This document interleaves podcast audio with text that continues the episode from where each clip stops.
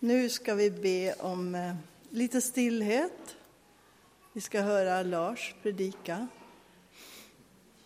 Tack Jesus att du är här, Herre, för att välsigna Lars i första hand, det han ska säga.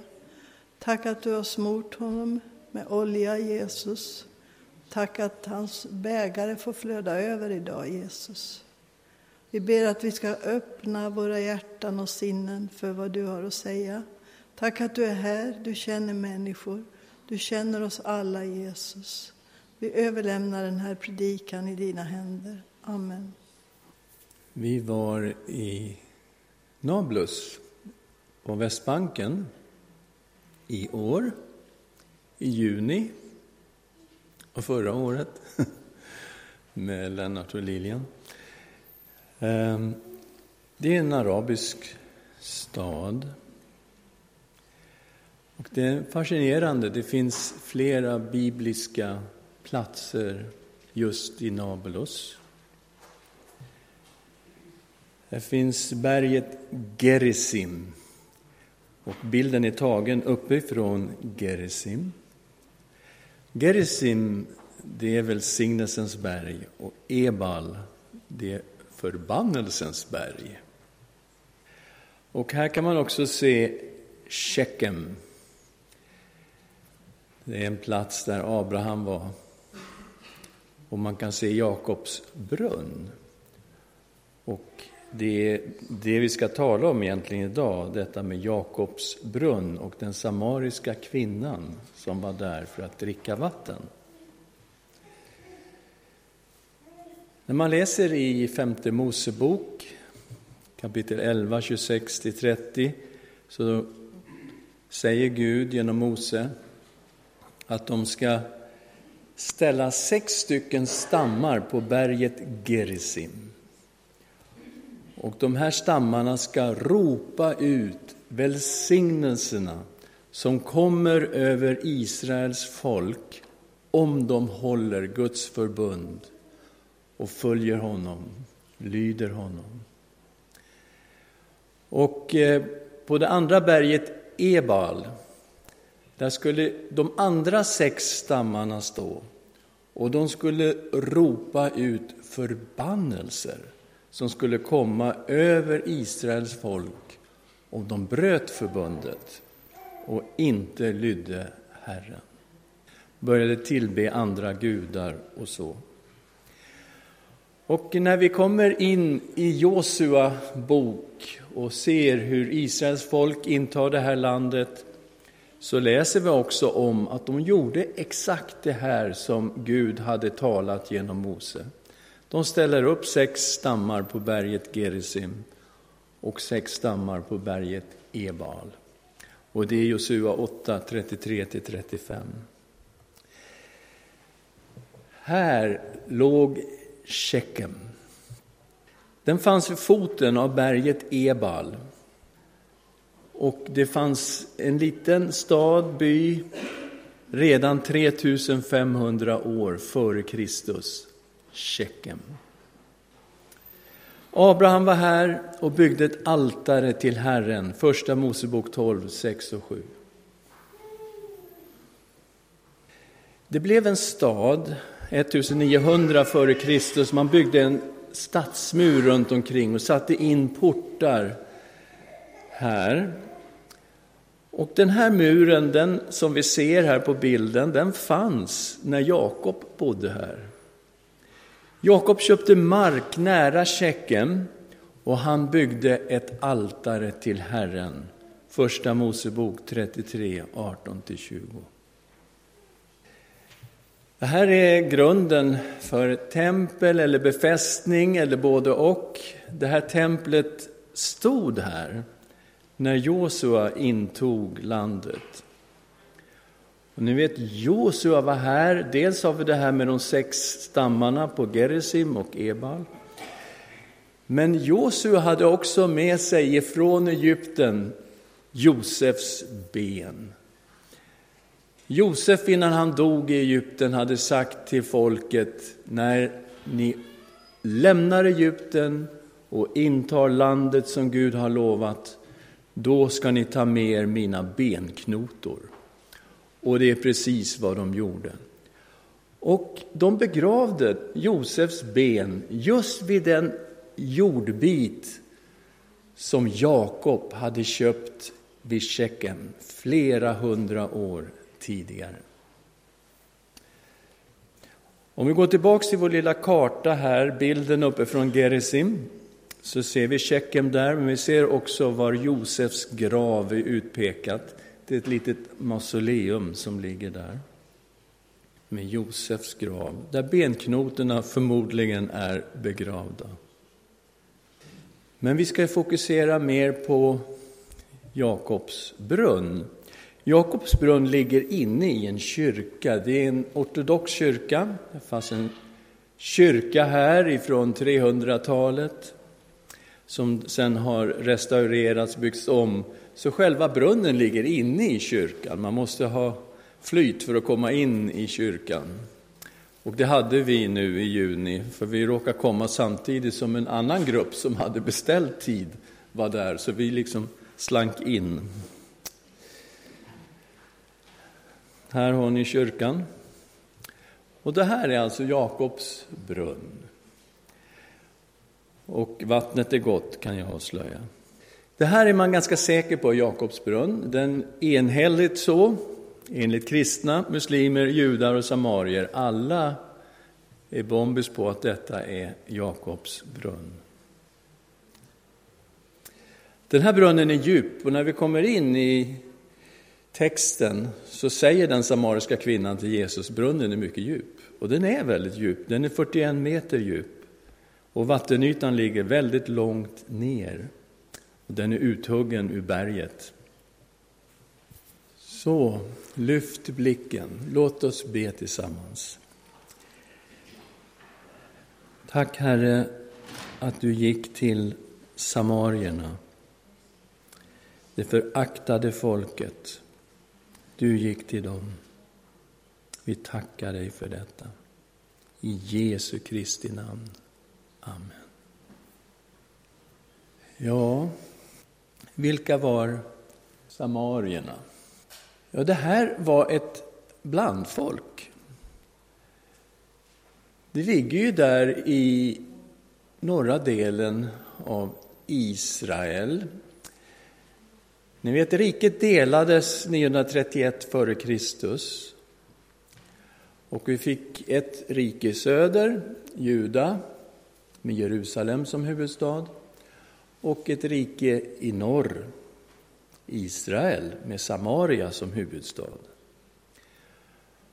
Och de assyriska arméerna kom och besegrade Israel och Samaria och förde folket bort i fångenskap till Assyrien. Det här skedde 722 före Kristus. Och Israels folk som fördes bort i fångenskap, de kom då i det assyriska riket och assyrierna hade den här strategin att de förde in andra folk i besegrade områden för att blanda upp folk så att de inte skulle ha så stark etnisk identitet. Och det var just vad man gjorde, man förde in andra folk här i Israel. Och det här blandfolket, det blev samarierna. Så det var ett folk som uppstod efter 722 före Kristus. Men de hade problem i landet och man kan läsa i Bibeln hur de sa till sig själva att ja, men vi vet inte hur man ska tillbe guden i det här landet. Så vi måste ha någon. Så det kom en levit, de kallade dit en levit, som undervisade dem i de fem Moseböckerna, Toran. Så det blev samariernas religion. Samarierna har bara fem Moseböcker. Och idag så bor de uppe på berget Gerizim. Och där har de traditionellt bott. Det är ju välsignelsens berg enligt femte Mosebok, så där bodde de. Resten av Bibeln har de inte och Jerusalem det är helt ointressant för dem och Allt de här profeterna i Gamla Testamentet, ointressant. Vad är intressant? Mose, fem Moseböckerna, that's it, inga annat. Så att det här blev ju problem. De här två folken, judarna och samarierna, hade jätteproblem med varandra. Och ungefär hundra år före Kristus så kom judarna dit och rev ner deras tempel som stod uppe på berget Gerizim. Och ni kan ju tänka vilka känslor det fanns mellan de här två folkgrupperna. Och en gång när de skulle förolämpa Jesus i Johannes 8 så sa de, har vi inte rätt när vi säger att du är en samarier? Alltså det var som det värsta man kunde säga till en jude. Ni vet, på Jesu tid så fanns ju Juda där nere med Jerusalem och så fanns Galileen där uppe i norr och mitt emellan ligger Samarien. Och judarna som bodde i Galileen, de skulle ju gå ner till Jerusalem på de stora högtiderna, till templet för att tillbe Herren. Men de gick ju inte genom Samarien, då skulle de bli orenade. Utan de gick ju runt på andra sidan Jordan och kommer in vid Jeriko och går upp till Jerusalem den vägen. För att inte gå igenom Samarien. Så här starka känslor var det. Och en gång ville Jesus övernatta med sina lärjungar i en samarisk by.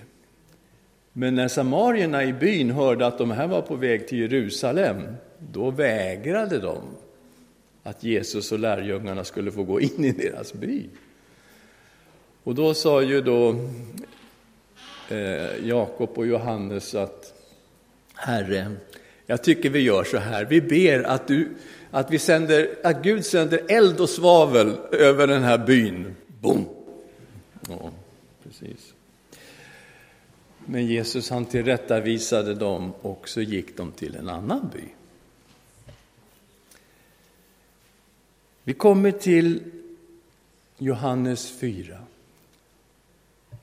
Och vi möter Jesus som inte går runt utan går till Samarien.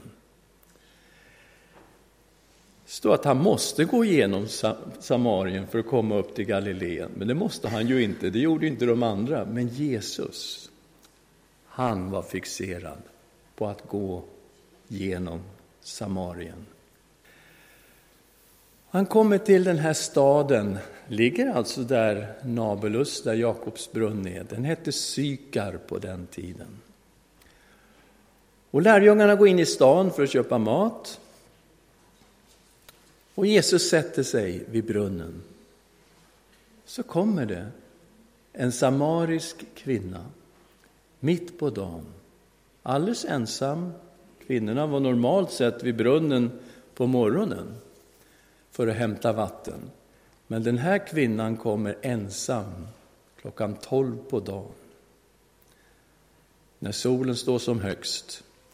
Och antagligen är hon inte särskilt väl sedd i stan bland kvinnorna. Många pratar nog bakom ryggen på den här kvinnan.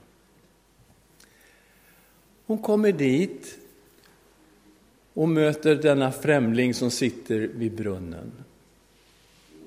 Och Jesus ber henne om något att dricka. Och hon blir förvånad över att han som är jude ber henne som en samarisk kvinna om något att dricka. Det här är ju orent. Jag menar, kom igen. Skulle han dricka orent vatten från henne? Och Jesus säger, om du förstod två saker. Om du förstod Guds gåva och om du förstod vem det är som pratar med dig, då skulle du be honom om att få levande vatten. Och kvinnan säger, vad pratar du om? Den här brunnen är ju jättedjup och du har inget att dra vatten med. Var får du det här levande vattnet ifrån? Ja, säger Jesus, om du dricker av det här vattnet då blir du ju törstig igen. Men om du dricker av det vatten som jag ger, då ska du aldrig törsta. Det vattnet som jag ger, det blir en källa inom dig som flödar fram med evigt liv. Och säger kvinnan, vilket vatten!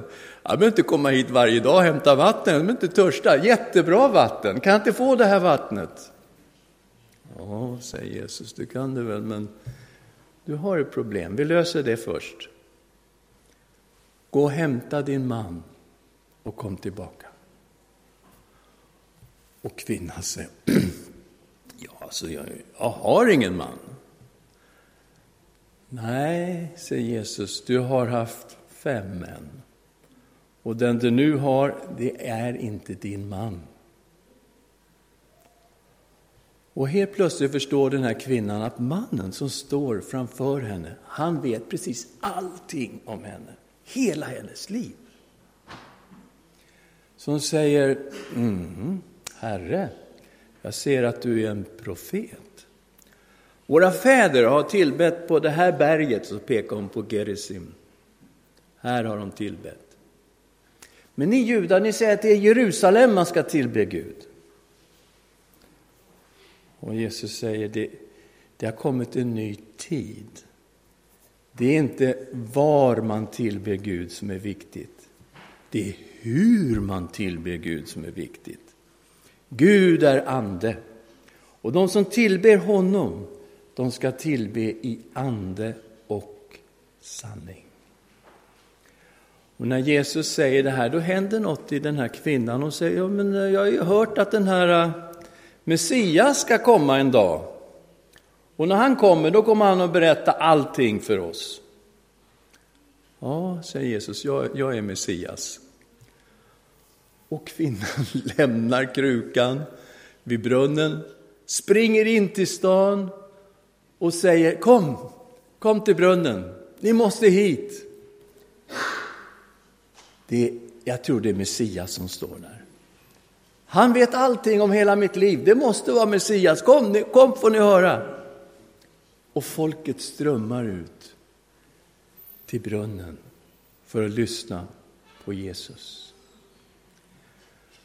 Och de ber Jesus att stanna kvar där. Och Jesus stannar där två dagar. Och efter två dagar så säger de till den här kvinnan, nu är det inte bara för dina ords skull som vi tror. Nu tror vi för vi har lyssnat på honom själva.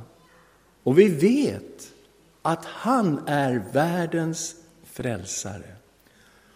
Och Jesus ledde hela Sykar till tro på honom. Tänk det här är samarier som normalt sett inte har någon relation med judar. Men det här var Messias som stod och talade med dem i Sykar. Lärjungarna, de har varit inne i stan för att köpa mat och de hade inga förväntningar att någonting någonsin skulle hända bland samarierna. Det fanns inte på kartan. Det här var ju samarier. Jesus var ju sänd till judarna. Och de kommer ut från stan, de har mat med sig. Och så ser de Jesus prata med en samarisk kvinna. De, de vet inte vad de ska göra med det här. De säger ingenting, de bara tycker det är konstigt. Och så säger de till Jesus. Rabbi, varsågod, ät. Och då säger Jesus, jag har mat att äta som ni inte känner till. Oj, vad, vad, vad pratar han om? Är det någon som har kommit med mat till honom? Nej, säger Jesus. Vers 34. Min mat är att göra hans vilja som har sänt mig och fullborda hans verk. Det är det här, kära lärjungar, som jag lever av. Det är min mat, att göra Guds vilja och att fullborda hans verk. Säg inte att det är fyra månader till, sen kommer skörden. Men se, jag säger er, lyft blicken och se hur fälten har vitnat till skörd. Redan nu får den som skördar sin lön han samlar in frukt till evigt liv så att den som sår och den som skördar får glädja sig tillsammans. Här stämmer ordet att en sår och en annan skördar. Jag har sänt er att skörda där ni inte har arbetat. Andra har arbetat och ni har gått in i deras arbete.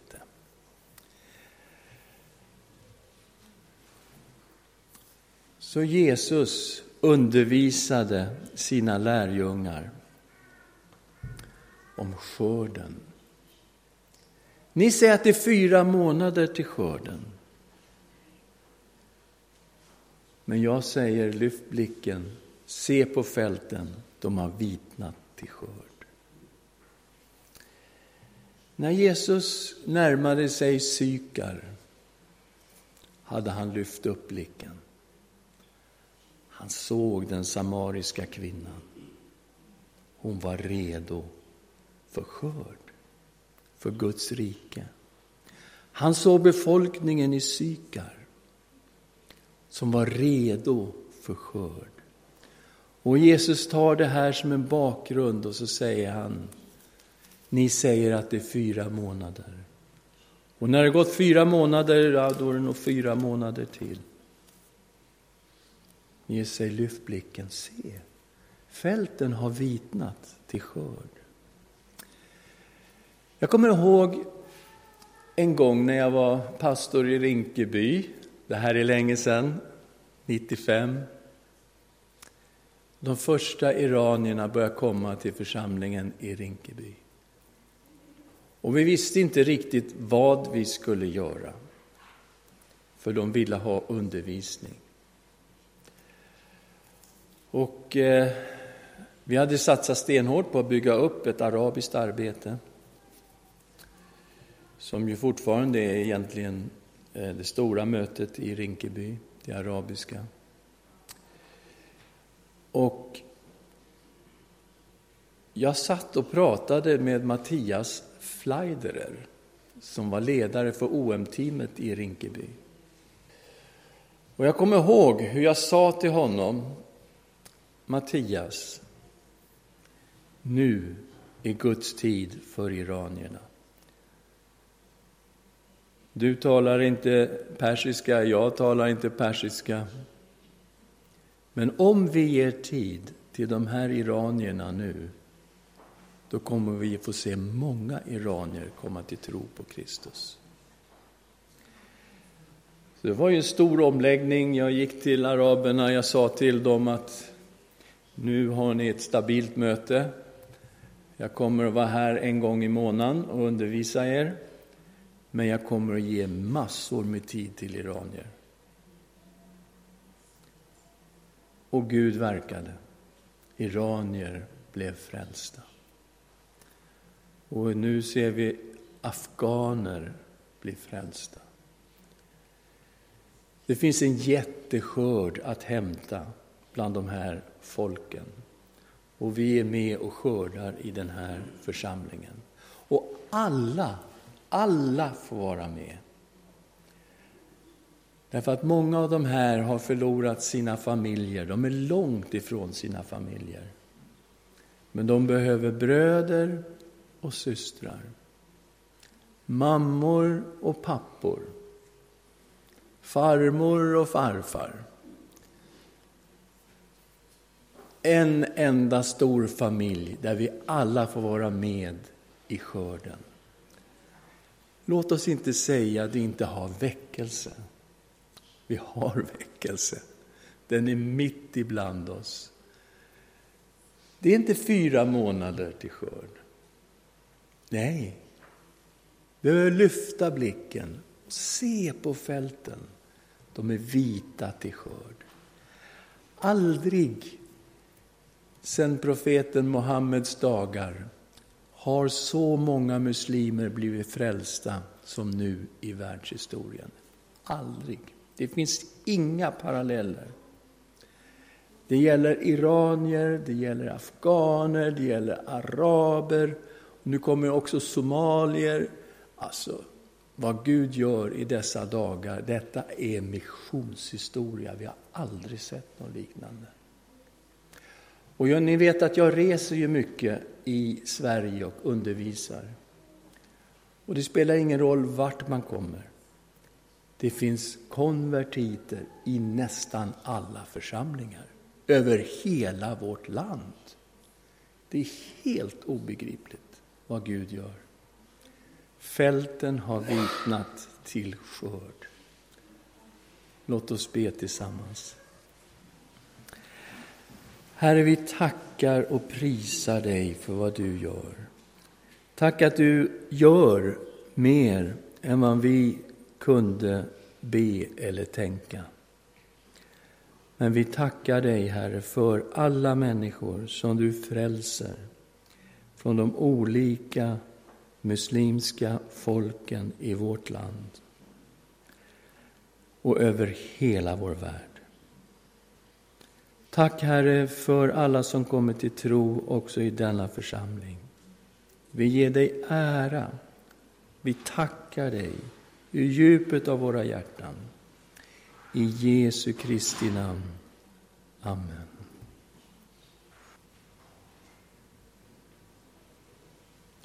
Det är så här att när vi var där i Sykars brunn i år så fick jag lite inspiration att skriva en sång. Så att det är det som kommer här nu.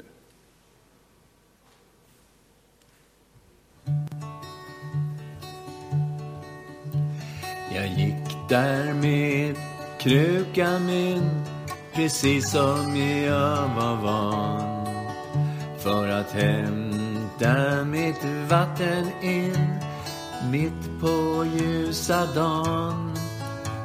Vid brunnen satt en främling där och jag hajade till. Vad gjorde den där mannen här och vad är det som han vill? Det utspann sig ett samtal och jag ställdes inför ett val. Märkliga ord kom ur mannens mun vid en pratstund vid Jakobs brunn. Jag tänkte han såg törstig ut som vandrat en så lång bit.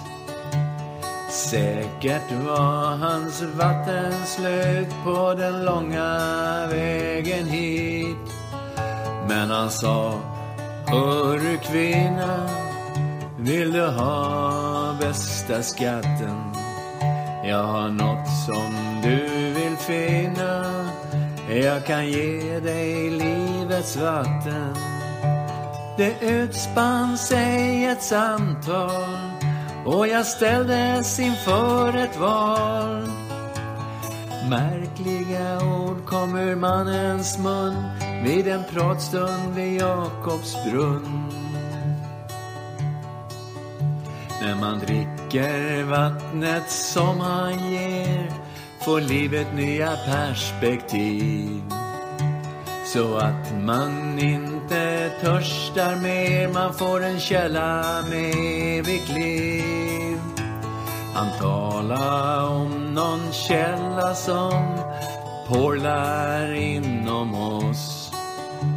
Jag anar det var därför som han kom, för att ge oss den förstås. Det utspann sig ett samtal och jag ställdes inför ett val. Märkliga ord kom ur mannens mun vid en pratstund vid Jakobs grund. Få en källa vatten inom en skulle vara underbar. Att få Gud till sin bästa vän skulle vara klockrent, det är klart. Jag tyckte det lät jättebra att inte törsta mer. Så jag sa det vattnet vill jag ha, snälla ge mig det jag ber. Det utspann sig ett samtal och jag ställdes inför ett val. Märkliga ord kom ur mannens mun vid en pratstund vid Jakobs brunn. Hämta hit din man, sa han. Jag sa jag inte hade någon. Du har haft fem stycken män och tog en annans som ett rån.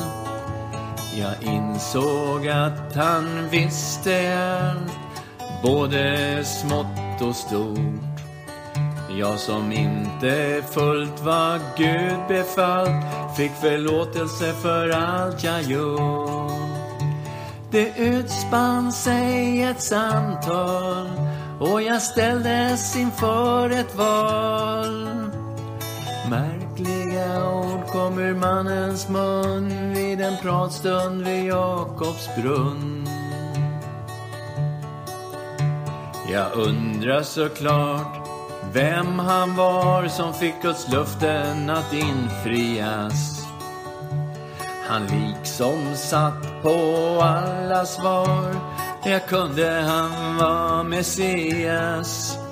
Han bekräftade att det var just han som fått min trädgård att börja gro.